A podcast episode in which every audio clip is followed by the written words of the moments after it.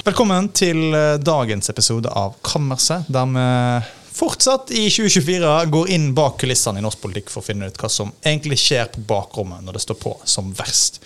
Og i dag spør vi hvem skal ut, og hva tema skal inn i 2024? Der vi tenker å se nærmere på nominasjonskampene som eh, står eh, for døra i dette herrens år. og Eh, altså da i Før stortingsvalget i 2025, og hva tema som kommer til å bli de viktige temaene i, i norsk politikk det neste året. Som alltid har jeg med meg eh, politisk redaktør Berit Aalborg og nyhetsredaktør Lars Inge Staveland. Og sjøl heter jeg fortsatt Emil André Erstad. Før vi går inn på kammerset, så tar vi som vanlig en tur inn på forværelse og spør hva er det som har gjort inntrykk på oss den siste uka. Berit, hva er det som har gjort inntrykk på deg? Du vet hva? Det er rett og slett eh, Natur, Ungdom og Naturvernforbundet som tapte saken om eh, gruvedumping i Førdefjorden. Uh, og det er veldig mange det er, Og det, det, dette nederlaget for miljøbevegelsen kom jo rett etterpå at vi hadde en svær sak i NRK som tok for seg miljøødeleggelsene rundt omkring i Norge. Og jeg tror alle sammen så kjenner vi noen områder og noen mennesker som er ramma av sånne saker.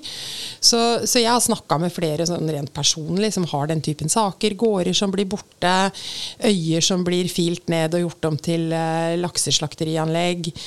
Den typen typen ting. Så det gjorde veldig inntrykk på meg å se, for de har kjempa veldig lenge for dette. Og vi lever i en situasjon der veldig mye natur blir borte.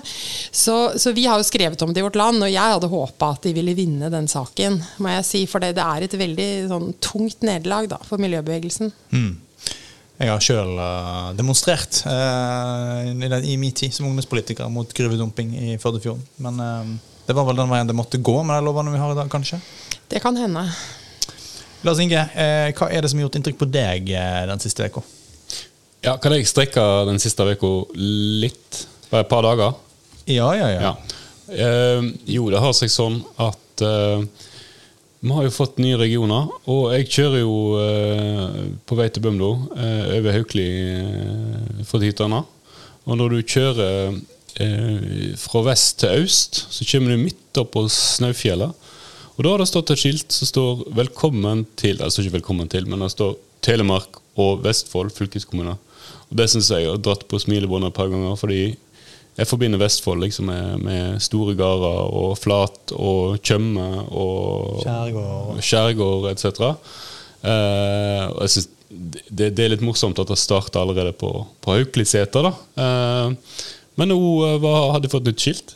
Eh, der sto det bare Telemark. Så tenkte jeg at eh, ja, her eh, går det fort i svingene. Nå er det, nå, er det, nå er det, slutt, rett og slett, for Vestfold og Telemark. Det er slutt for Viken. Eh, så ja, jeg begynte, jeg begynte å tenke litt på, på, på, på, den mest absurde, kanskje si, politiske hestehandelen som medførte en god del ekstra ekstra kostnader for oss eh, skattebetalere. Både innføringa og reverseringa ja. av disse her fylkene. Så det det er liksom politisk akrobatikk eh, som jeg begynte å tenke på den gangen. Så vi har vært vitne til. Så det var vel egentlig pga. at eh, Høyre og Frp ville legge ned hele skiten. Og så fant KrF eh, ut at den beste måten å verne dem på, var å gå med på en slags litt underlig sammenslåing av ulike kommuner som gjorde at Hvaler og Hvaler og Geilo faktisk ble, ble det samme. Ja. Men jeg må jo bare si da, Det der er jo en veldig rar sak, fordi jeg har jo jobba i Nasjonen noen år. Og jeg tror det er ingen sak jeg jobba så mye med som den såkalte regionreformen den gangen. Og da var det, når vi fikk nye kart, sånne lekkasjer fra regjeringa, så drev og lagde nye kart, hvordan Norge skulle se ut. Og det var jo så omstridt. Så det er jo ikke akkurat bare i den runden hvor det blei vedtatt. Det varte jo lenge. Ja. Mm. Og det, jeg var jo eh, aktiv i, i eller sentralt plassert i KrF på det tidspunktet her. Og, og vi var jo eh, på det tidspunktet det eneste partiet som aktivt eh, elsker eh, tanken på eh, regionreform. det er litt, litt din feil?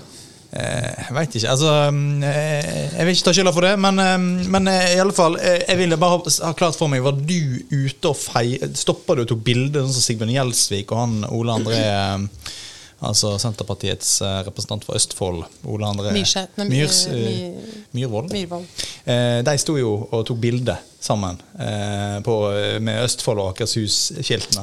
Ja, nei, jeg har ikke noe aktivistisk tilnærming til dette, men det hadde vært angra nesten litt på at jeg ikke sist gang jeg eh, Det hadde vært litt morsomt, selv om det hadde vært fryktelig umoralsk, og skrudd ned skiltet og sendt det til Knut Arild på, på Knut Arild Hareide på, på Karmøy. Sjøfartsdirektøren. på det? Nei, nei, nei, jeg er et lovlydig menneske, så det vil jeg aldri angre på. Jeg, bare, jeg gjorde det rette. Nei, det er bra. Sjøl, eh, det som har gjort inntrykk på meg de siste, den siste uka, eller eh, hvis vi da strekker dette tilbake til nyttår, så, eh, så er det lesing av bøker primært. Jeg har lest mange bøker. Hvis jeg må velge ei Jeg fikk beskjed om at jeg bare fikk lov å ta ei anbefaling her før vi begynte. Så da Eh, da vil jeg anbefale ei bok som eh, har gjort veldig sterkt inntrykk på meg, og som er skrevet i et språk som jeg tror jeg aldri har lest før. Eh, og nå er det sikkert mange av dere som forventer at jeg skulle sagt han her er Oliver Leverensk Le Han sa jeg sist gang, så det ja, men, litt eh, men det er ikke det. Det er Andrev Valdén, eh, den svenske forfatteren som har skrevet boka om eh, alle mennene i sin opp, alle mennene mora var sammen med i hans oppvekst. Eh, I et tiårsperspektiv så skriver han om de ulike mannfolkene som eh, deler seng med mora. Og det er tidvis hysterisk morsomt, eh, og tidvis eh, veldig trist. Eh, og han skriver helt uten fordommer, helt uten forakt for dette. og selv om det han blir utsatt for, tidvis kan beskrives som eh, omsorgssvikt, så er det liksom veldig, veldig eh, fint skildra.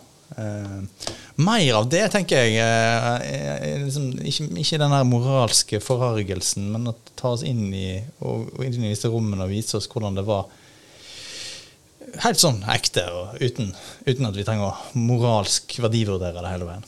Det, det er interessant. Jeg slo meg her en dag at uh, har vi vært litt moralske i 2023? Og det er litt, kanskje vi kan håpe på at vi blir litt mindre moralske i 2024? Jeg vet ikke. Jeg vet Mindre ikke. I hvert fall moralistiske, vil jeg si. Ja. da. Ja, moralistiske, er det selvsagt. Så eh, vår ambisjon for kammerset i 2024 derfor blir å bli, bli litt mer litt, eh, At vi får bidra til at verden blir litt mindre moralistisk. Eh, vi får se om vi lykkes med det. Eh, vi, vi kommer tilbake senere med ukas profeti, men først så, så er det litt om hva som har starta det politiske året. da. Eh, hva, vi har jo hatt NHOs årskonferanse, vi har hatt denne saken fra NRK om natur. Det har vært, og, og, og dommen som du nevnte, Berit, i Førdefjorden. Ja, det har jo vært et år som på mange måter har begynt i klima, hva skal vi si, klimasakens tegn, da, på, på, hva skal vi si, på godt og vondt. Og vi har jo nå en kuldeperiode. Jeg hører, jeg ser på forskjellige sosiale medier at folk som da mener at det ikke er noen klimakrise, de sier jo når det er kaldt er det klimakrise, når det er varmt. Men det er klart at det, er en ustabil værsituasjon.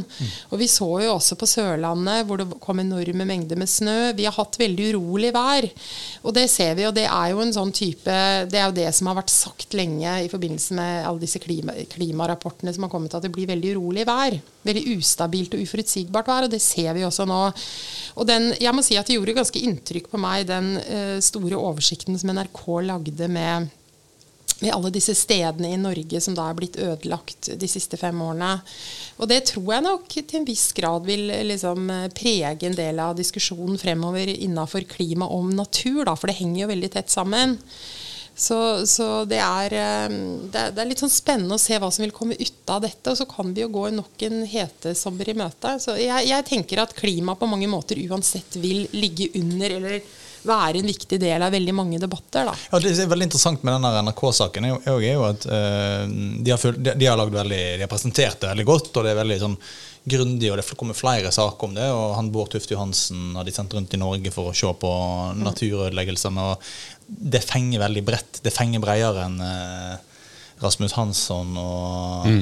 Une Bastholm. Det, dette, dette når det brede lag av folket, tror jeg. Det, Det er fordi så mange kjenner til et naturområde som er ødelagt. ja, og, og, så, og så slår det rett inn i en veldig sentral konflikt i, mellom regjeringspartiene Arbeiderpartiet og Senterpartiet i synet på maktfordeling. Eh, der Arbeiderpartiet i mye større grad enn Senterpartiet er villig til å ta i bruk nasjonale eh, maktvirkemiddel, mens Senterpartiet er tufta på å fordele makt nedover og utover i eh, lokalsamfunnene.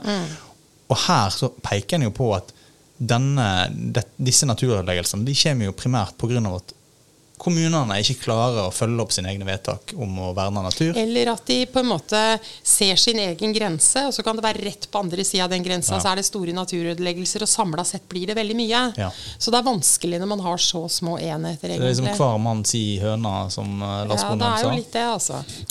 Ja, altså For det første, den NRK sin eh, sak var jo eh, kjempegod.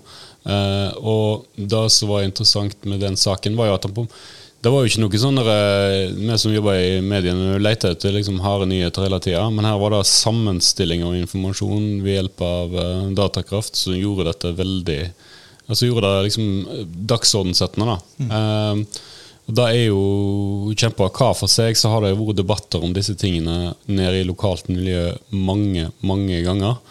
Eh, og jeg òg tror at eh, den oppmerksomheten som har gjort det, som vil, vil synliggjøre den konflikten som jeg vil få da, mellom de ulike eh, aktørene i, eh, i, i hele liksom forvaltnings... eh, alt fra det første vedtaket i kommunen til via statsforvalterne til til eh, departementet og synliggjøre en konflikt mellom Arbeiderpartiet og Senterpartiet og, og mye sånt. Og så, så tror jeg den konflikten blir, kommer til å være enda det, Apropos tema temaet her, det er et tema som kommer til å komme opp.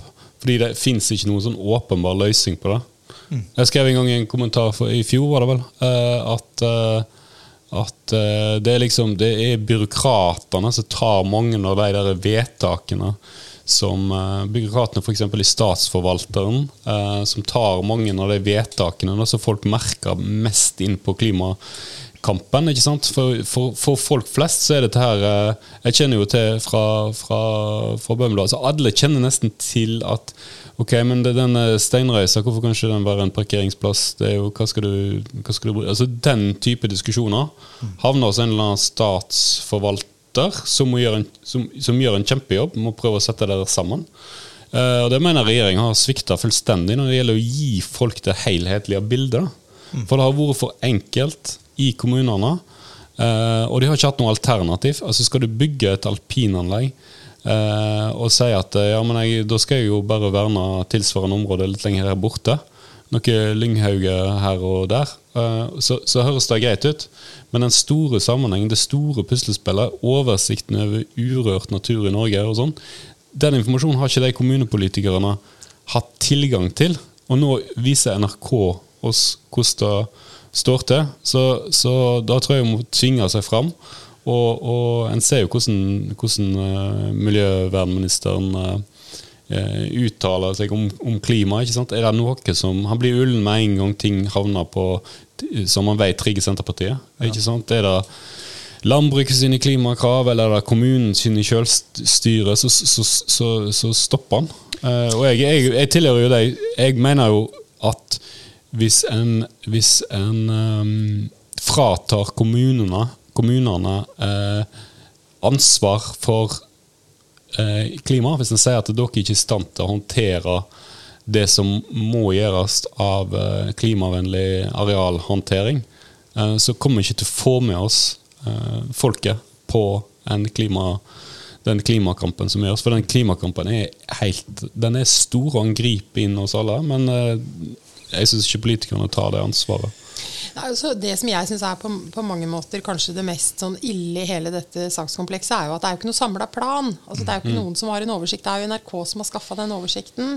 Og så har du nå kommuner eh, Jeg husker ikke hvilket navn det var på en kommune, men jeg kom på dette nå, at det er jo kommuner som har hatt voldsom hytteutbygging. Og så skaffer det arbeidsplasser mens disse, byggene, mens disse hyttene bygges. Men så etterpå, når da de står der, så blir jo det bare en kjempebelastning for en liten kommune å ha masse hyttebesøkende som skal ha rett på helsehjelp og alt mulig sånn. Så det er jo flere av disse hyttekommunene som nå har fått eh, altså, Hvor befolkningen har snudd seg, da, hvor de ser hvor ødelagt deres egne kommuner blir. Ja, det, er jo, det så vi jo under pandemien òg, disse hyttekommunene som knelte. Nei, Vi får vel bare si til folk at eh, de får lese NRK og, og skaffe seg hytte i Nordmarka eller noe sånt. Eh, Ja, De skal òg lese Vårt Land. Vi skal skrive om dette med òg. ja. Men eh, litt, eh, litt skryt, eh, skryt en god fra, sak, eh, fra Vårt Land Ja, ja, ja, definitivt. De fortjener mye skryt for den saken.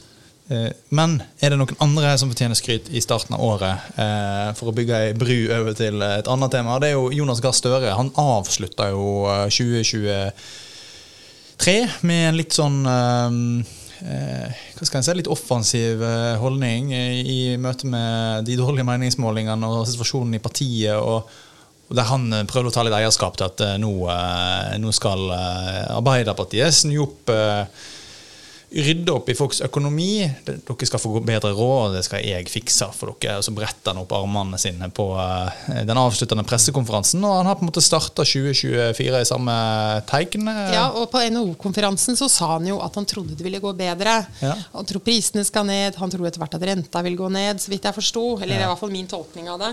Så han tror at det vil bli bedre for folk flest. Og han har jo fått litt kritikk for det.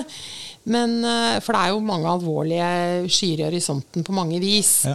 Men det er jo spennende å se om han får rett. da. Dersom han får rett, fallhøyden er ganske stor, men dersom han får rett, så vil han kanskje bli litt sånn genierklært. Det er litt, sånn, det er litt risikabelt grep å ta, men på en måte eh, kanskje det er den type grep Jonas Gahr Støre må ta hvis han skal komme seg opp igjen av denne myra han eh, har vært nede i helt siden han ble statsminister, egentlig.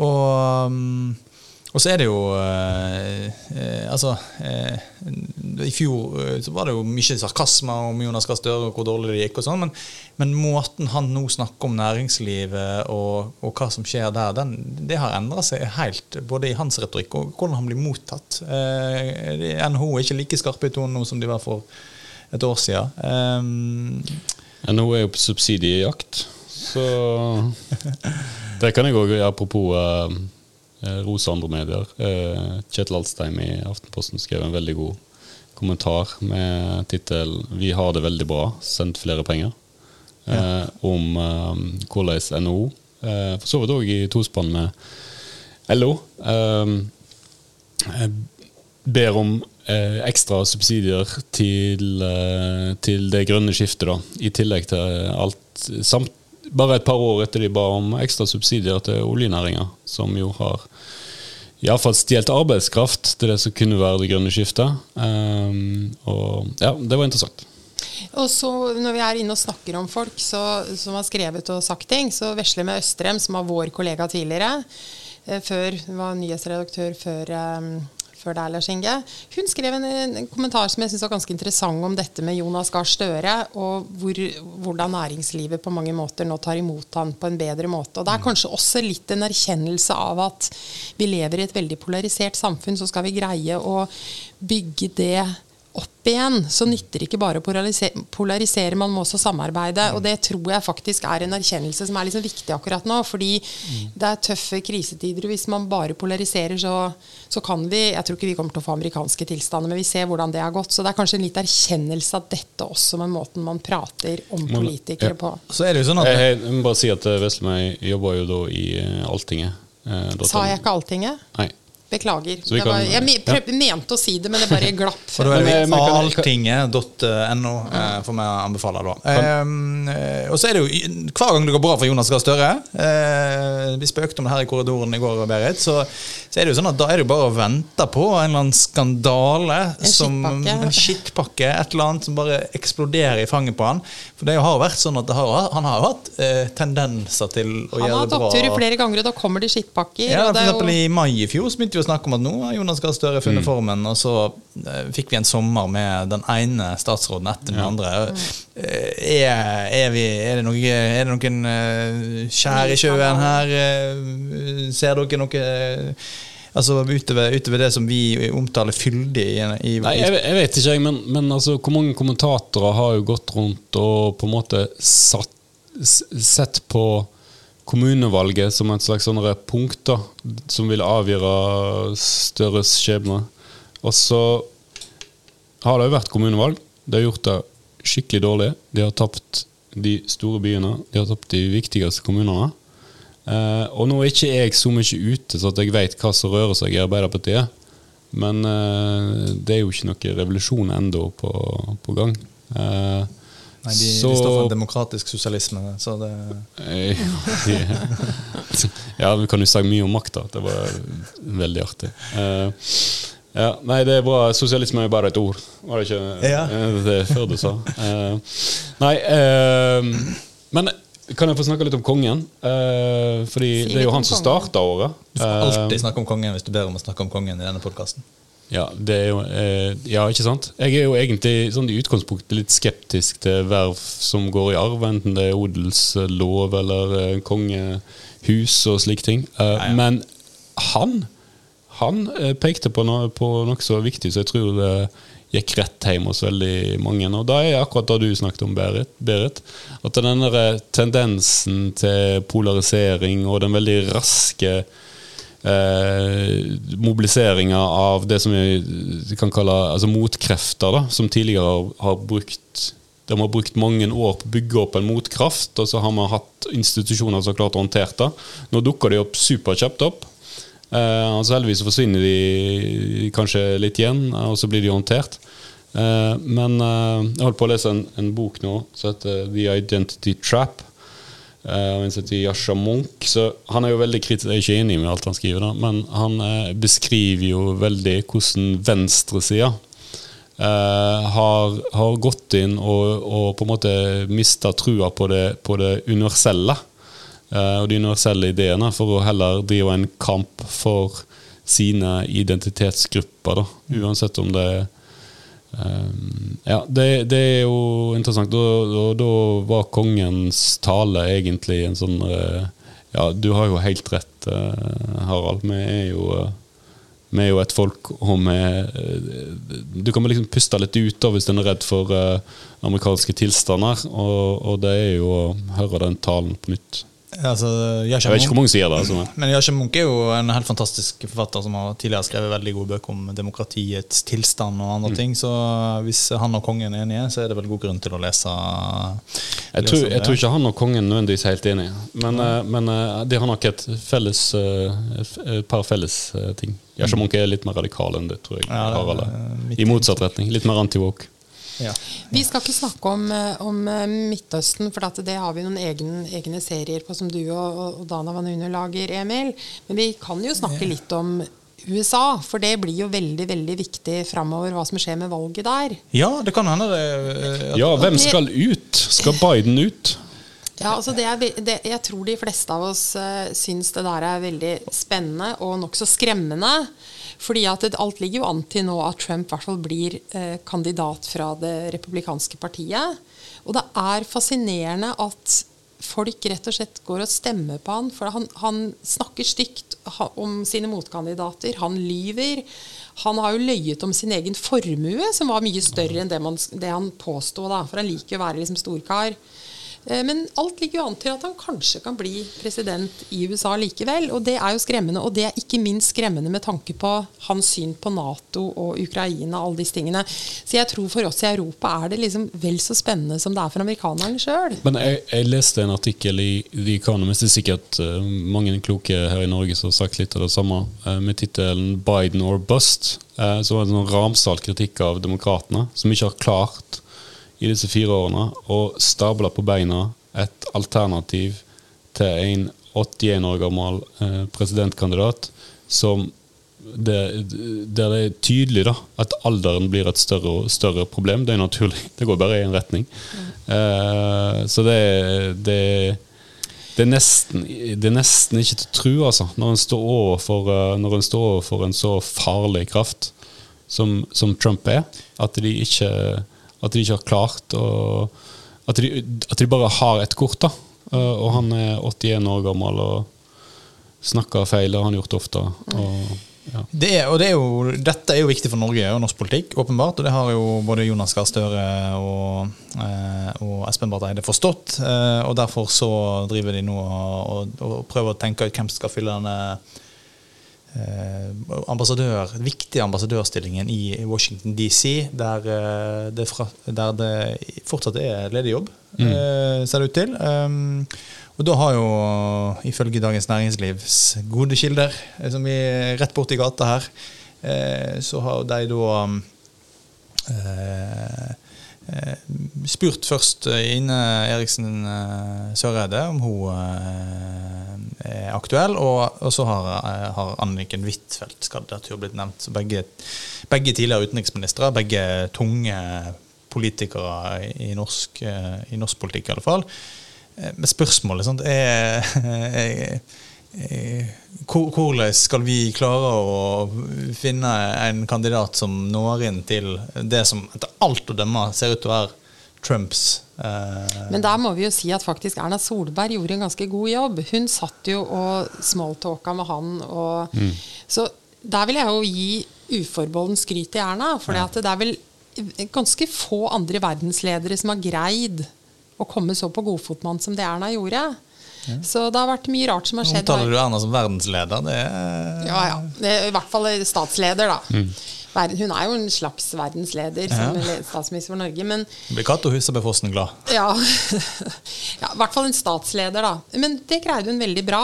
Så det er jo Det virker som om man kunne liksom litt sånn list og lempe for å få det til. Eh, Så det er jo veldig spennende hvem som Trump- blir eh, Trump-håndtering er jo blitt et fag i internasjonal politikk. Både Jens og Erna har greid dette veldig godt. Ja. Ine Eriksen Søreide hun ble jo tatt for å være jagerflypilot av eh, Trump, nå vet han. Eh, så det, det Alle har eh, Ikke det verste. Er ikke, verste, det, er, det er ikke det verste å bli kalt av Trump, det, tror jeg. Eh, og men det blir spennende å se om det blir eh, om Anniken Huitfeldt eh, ender opp i Washington DC. Altså. Ine, Ine Eriksen Søreide tar vel mål av seg til å bli ny utenriksminister, tenker jeg. Så Ja. hun har vel kanskje ikke lyst til å bli ambassadør statsminister. Eh. eller statsminister. Det kan jo også godt hende hvis Erna på et eller annet tidspunkt skulle trekke seg. Mm.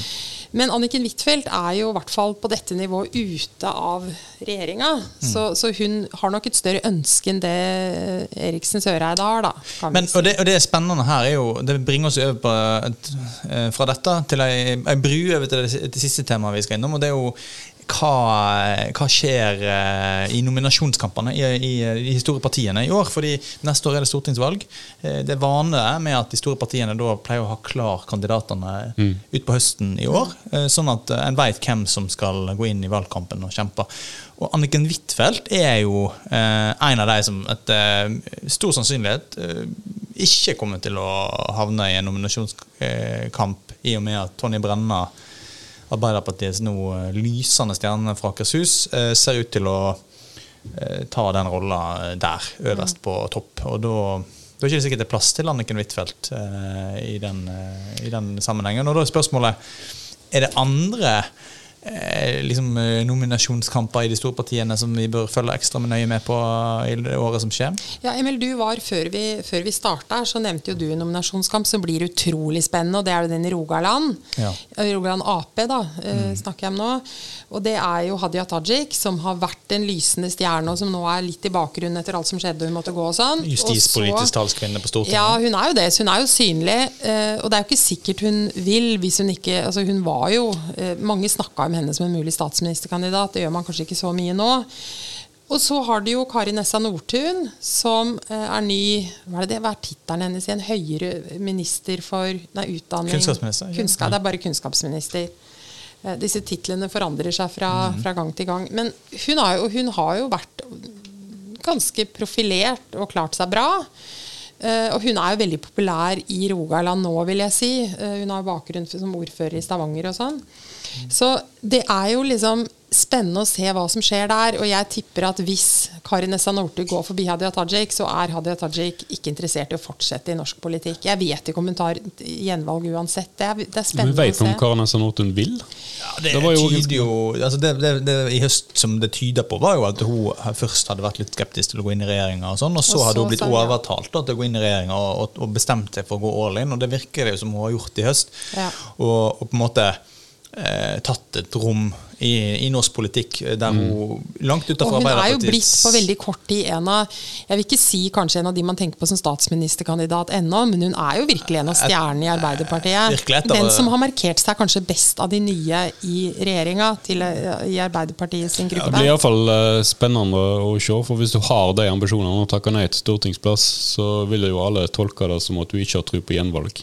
Ja. Ja, og så, så blir det spennende med Torstein eh, Tvedt Solberg, eh, som sitter på Stortinget i dag. Eh, som er øverste mann på lista i Rogaland. Og, og nå er jo også Tove Elise Madland inne da fra, fra Rogaland, sier eh, Nei, ja, det, hun er inne på Stortinget iallfall, og, og er en av de som er i denne abort... eh, diskusjonen til Arbeiderpartiet. Men, men spørsmålet er, jo også han her eh, klima- og miljøministeren, eh, Andreas Bjelland Eriksen, som òg er fra Rogaland.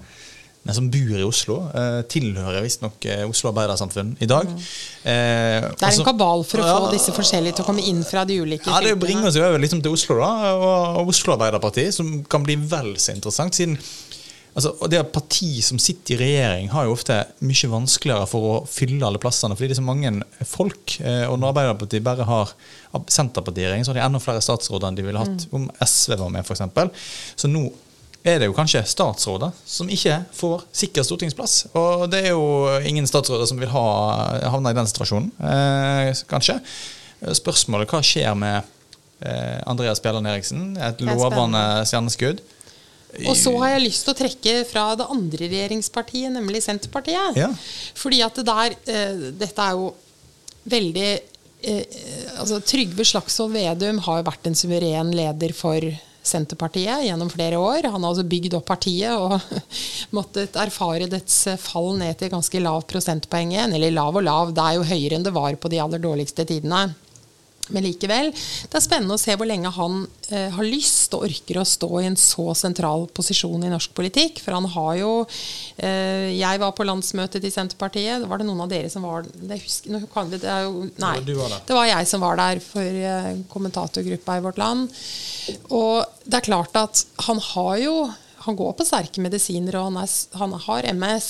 Og han klarer seg veldig godt, og han ser veldig godt liksom, ut som det går bra. Men det er klart at det kan jo svinge opp og ned, og han står jo i en av norsk politikks tøffeste roller, i tillegg til Han har visstnok ikke liksom, noen problem knytta til den sykdommen eller symptom. Det har ikke vist seg eh, Nei, så langt. Men det ikke- men det kan jo endre seg.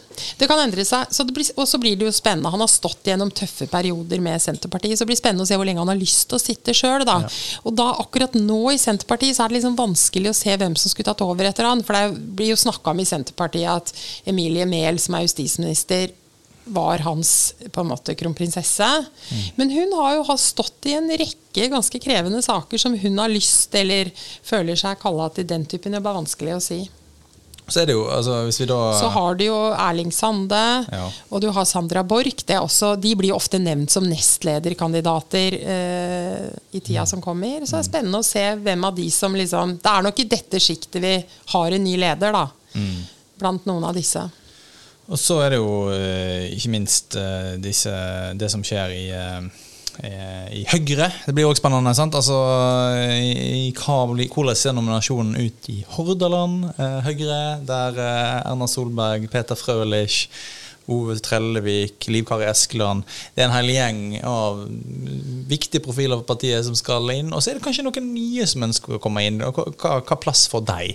Så eh, Dette blir jo viktig tenker jeg, både for Jonas Gahr Støre og Erna Solbergs eh, kandidatur og videre framtid i norsk politikk. Og så er det veldig spennende om begge de to faktisk blir skitne til neste, Ja, fordi- til neste stortingsvalg som statsministerkandidater. Ja, for- Jeg tror ikke jeg, jeg, jeg, det er, det, De sier jo at de er kandidater nå, og sånn, og det må de jo si. De er ledere for hvert sitt parti, og Jonas Gahr Støre er statsminister. Men det er klart at begge to holdt på lenge i norsk politikk, og det kan jo faktisk hende at en av de velger å trekke seg. Jeg tenker på, på i Oslo, der er både Espen Barth Eide, Jonas Gahr Støre og Andreas Beder'n Eriksen da, potensielt vil ønske seg stortingsplass. Og Espen Barth Eide strevde jo voldsomt forrige gang. Han Ja. blei jo forsøkt kippa ut. Så det er jo vel, Der kommer det være Der- ganske sånn dramatisk eh, Og de må jo også ha noen damer høyt på den lista. Ja, ja, ja, de må jo det. Og, og gjerne yngre folk. Mm. Eh, og nå er jo Andreas Bellan Eriksen eh, sistnevnte, da. Men eh, han er ikke dame.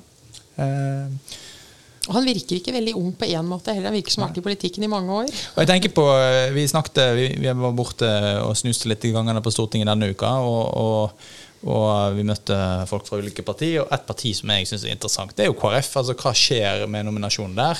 Ida Lindtveit, nestlederen, hun eh, kan bli nominert fra Og det kan også Truls eh, Olufsen Nedhus fra Ja. Finnmark. Så Ja, der, ja. Kan det bli, eh, der kan det bli eh, lurvelever. Ja, hvis vi skal få, sånn. altså sånn, I KrF har det vært tradisjon Eller har en tradisjon og tradisjon. Det har vært en eh, det, det har ikke vært sånn at partiets ledende eh, politikere fra Østlandet alltid har hatt sikker plass, og derfor har de gjerne funnet litt sånn kreative løsninger. Som Dag, Dagfinn Høybråten ble nominert fra, fra Rogaland. Rogaland. Knut Arild Hareide, som ikke bodde i Hordaland, eh, hvis vi skal være helt ærlige med oss sjøl, eh, på mange, mange mange år etter at han eh, kom inn i norsk politikk. Eh, han eh, ble jo nominert for Hordaland, selv om det ville vært vel så naturlig om det var Akershus eller Oslo han eh, ble valgt inn for. Så Ida Lindtveit eh, Røse, som er nestleder, og, og som er etter partiets stjerneskudd, om hun skal satse på en plass for Akershus, eller om hun vil få en tryggere vei inn, i den grad det, det fins i Men nå har det jo vært litt snakk om det er noen justeringer på den valgordninga, og etter det jeg har forstått, så, så kan nok KrF, hvis de greier å komme over 4 va- være litt mer eh, hva skal vi si, Det er litt større sannsynlighet for at de får inn noen. Og Ida Lindtvedt er jo sant å si kanskje det sterkeste kortet KrF har nå, hvis de liksom skal bygge et lag og, og være synlig, For hun er jo en ekstremt flink debattant.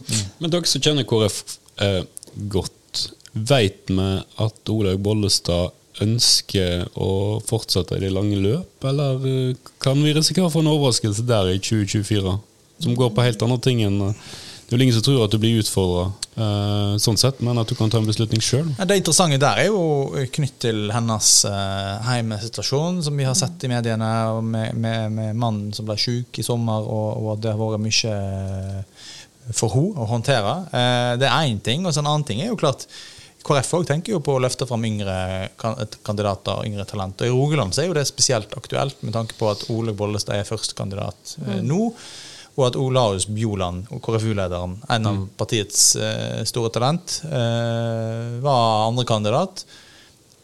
Kommer han til å avansere eh, og få muligheten til å avansere? Det er jo et spørsmål som sikkert blir stilt av strategene i KrF eh, akkurat nå. Men det er vel en vurdering KrF at de er i ferd med å komme inn i en eller annen flyt som fungerer. Ja, de gjør det i hvert fall bitte litt bedre på målingene. og de har det har vært, altså Målinger spriker jo. Og på, på, på eh, si, snittmålingene så ligger de fortsatt under sperregrensa. Men de har etablert seg, da, for å si det sånn, på et litt høyere nivå enn de var eh, kanskje i høst. Så, men, men vi må bare si to ord på slutt om det partiet som gjør det veldig veldig bra, og det er jo SV. Og vi, har jo, Jeg tror vi satt i podkasten vår det var, eh, da vi også hadde, var på TVL og snakka om at, eh, at Kari Kaski var en bedre eh, lederkandidat enn Kirsti Bergstø.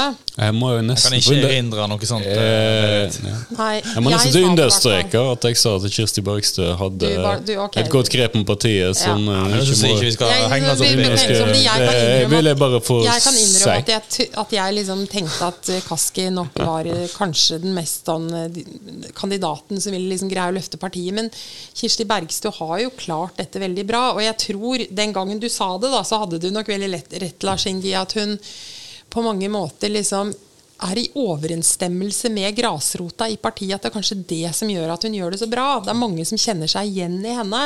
Og så har det vært noen diskusjoner om noen ting som hun har sagt. ikke sant? Det med at eh, Røkke kan ha rana kysten og kan ryke og reise, og alle disse tingene. Det har en gjenklang. Det er det som, som kanskje liksom av og til vi som er kommentatorer her, og hører mye politikerprat på mange landsmøter og sånn, tenker. Det er klart at det hadde en gjenklang, og jeg vet jo mange som likte det veldig godt. Hvis 70% av den norske befolkningen eh, mente at det var hårreisende dumt sagt av Kirsti Bergstø, så er det jo eh, 30 da, eh, Ja, som syns, kanskje syns det var en god idé, eh, Ja. Mm. og er enig med utsagnet. Så det er mye å hente Og der. så Altså. er hun Hun framstår ikke så polert. ikke sant? Det, det gjorde nok Kari Kaski. Hun gjør nok det mye i større grad. Og det å faktisk ha politikere som virker litt sånn ekte og genuine, er også en verdi. Og det, hun virker kanskje litt mer sånn genuin på en måte. Jeg syns Kari Kaski er, ekte og genuin, men, men jeg forstår hva du mener, eh, Berit. Og, eh, og så er det jo eh, i, i, i SV òg det er jo ikke, det er ikke kommentar, eh, kommentatoren i Oslo eh, som du peker på, som skal stemme av SV. eh, og det er jo et distriktsfokus. Vi sier jo aldri hva vi stemmer. Nei, Men hvis det, kommentatorene stemmer jo alle mulige partier. Alle mulige partier. Eh, Men, I motsetning til hva Truls Olufsen Mehus eh, og Ja, andre det er skulle tro, så stemmer vi på ulike partier alle Jeg tror, jeg tror, ja, jeg tror faktisk Kaski òg hadde gjort det ganske bra. For ting ligger litt sånn til rette. Altså det, det, jeg tror nok de fleste som kan tenke seg å stemme SV, er liksom enig med ledelsen i hvor SV skal være i det politiske landskapet og sånne ting. Eh, og da er jo ikke selvsagt. Og så vi snakket tidligere om uh, Nå kom jo en ting som jeg ikke kan så mye om, men som jeg alltid tenker jeg burde kunne mye om. Det er jo kvotepolitikk. Som kom Det var, var ikke i dag uh, kvotemeldinga kom. Og jeg husker sist gang det var politisk debatt om dette, dette er jo en tid tilbake, den jobben uh, Knag Fylkesnes gjorde med å reise rundt i Nord-Norge, ta alle debattene og jobbe godt på grasrota. Jeg husker jeg imponerte meg den gangen. Uh, selv om ikke dette er et tema som, som, står meg så veldig nært. Uh, og hvis du bruker de samme mekanismene på andre ting, så tror jeg, uh, tror det kan, kan, holde kan vare litt. Og så slipper de å ta ansvar for regjeringens politikk. Det må jo òg sies. Vi, vi, må bevege oss mot slutten. Det er, det er snart helg. Eh, redaktørene skal hjem, eh, og det må noen sørge for, så jeg tar den jobben. Eh, men eh, ukas profeti. Hvis vi skal eh, gi disse eh, lojale, trufaste lytterne, fantastiske lytterne våre en profeti om norsk politikk uh, den neste tida, er det noen som tør å hive seg fram med, med noe? Ja. Nå ble det stille. Nei, nå ble det stille i fjøset. Eh, men eh, ok, da Jeg tror uh, Senterpart... Nei, SV vil ligge over 10 uh, på snitt Nærmer seg 10% i snitt uh, de neste ja, fram til sommeren. Ja. Jeg har tenkt mye på at jeg syns jeg tror kanskje også Senterpartiet kommer til å gå litt opp igjen. Jeg har registrert at det er en del av de Senterpartipolitikerne som har vært veldig sånn Hatt en litt annen, litt mer sånn øh, Hva skal vi si? De har vært litt tøffere i media i det siste. Mm. Og det tror jeg nok kan få konsekvenser. Og så er det også det at de kjemper for sykehusene i Nord-Norge. Det, det, er nok uh, viktig for en del, i hvert fall mm. distriktsvelgere. Og særlig i Nord-Norge. Så jeg tipper at de også vil liksom etablere seg på et litt høyere nivå enn de har gjort. Rett og slett. Mm. Nei, men Vi lar det være de glitrende profetiene denne uka. Så er vi tilbake med en ny episode neste uke. Eh, du finner oss eh, i podkastspilleren. Det vet jo du, for du hører jo allerede på oss, selvsagt. Men eh, hvis du har ris, ros, tips eller innspill, så kan du bare sende oss en e-post til kammersetalfakrøllvl.no. Og så er det òg mulig å lytte til episodene vi har om Midtøsten-konflikten. God helg, og takk for i dag.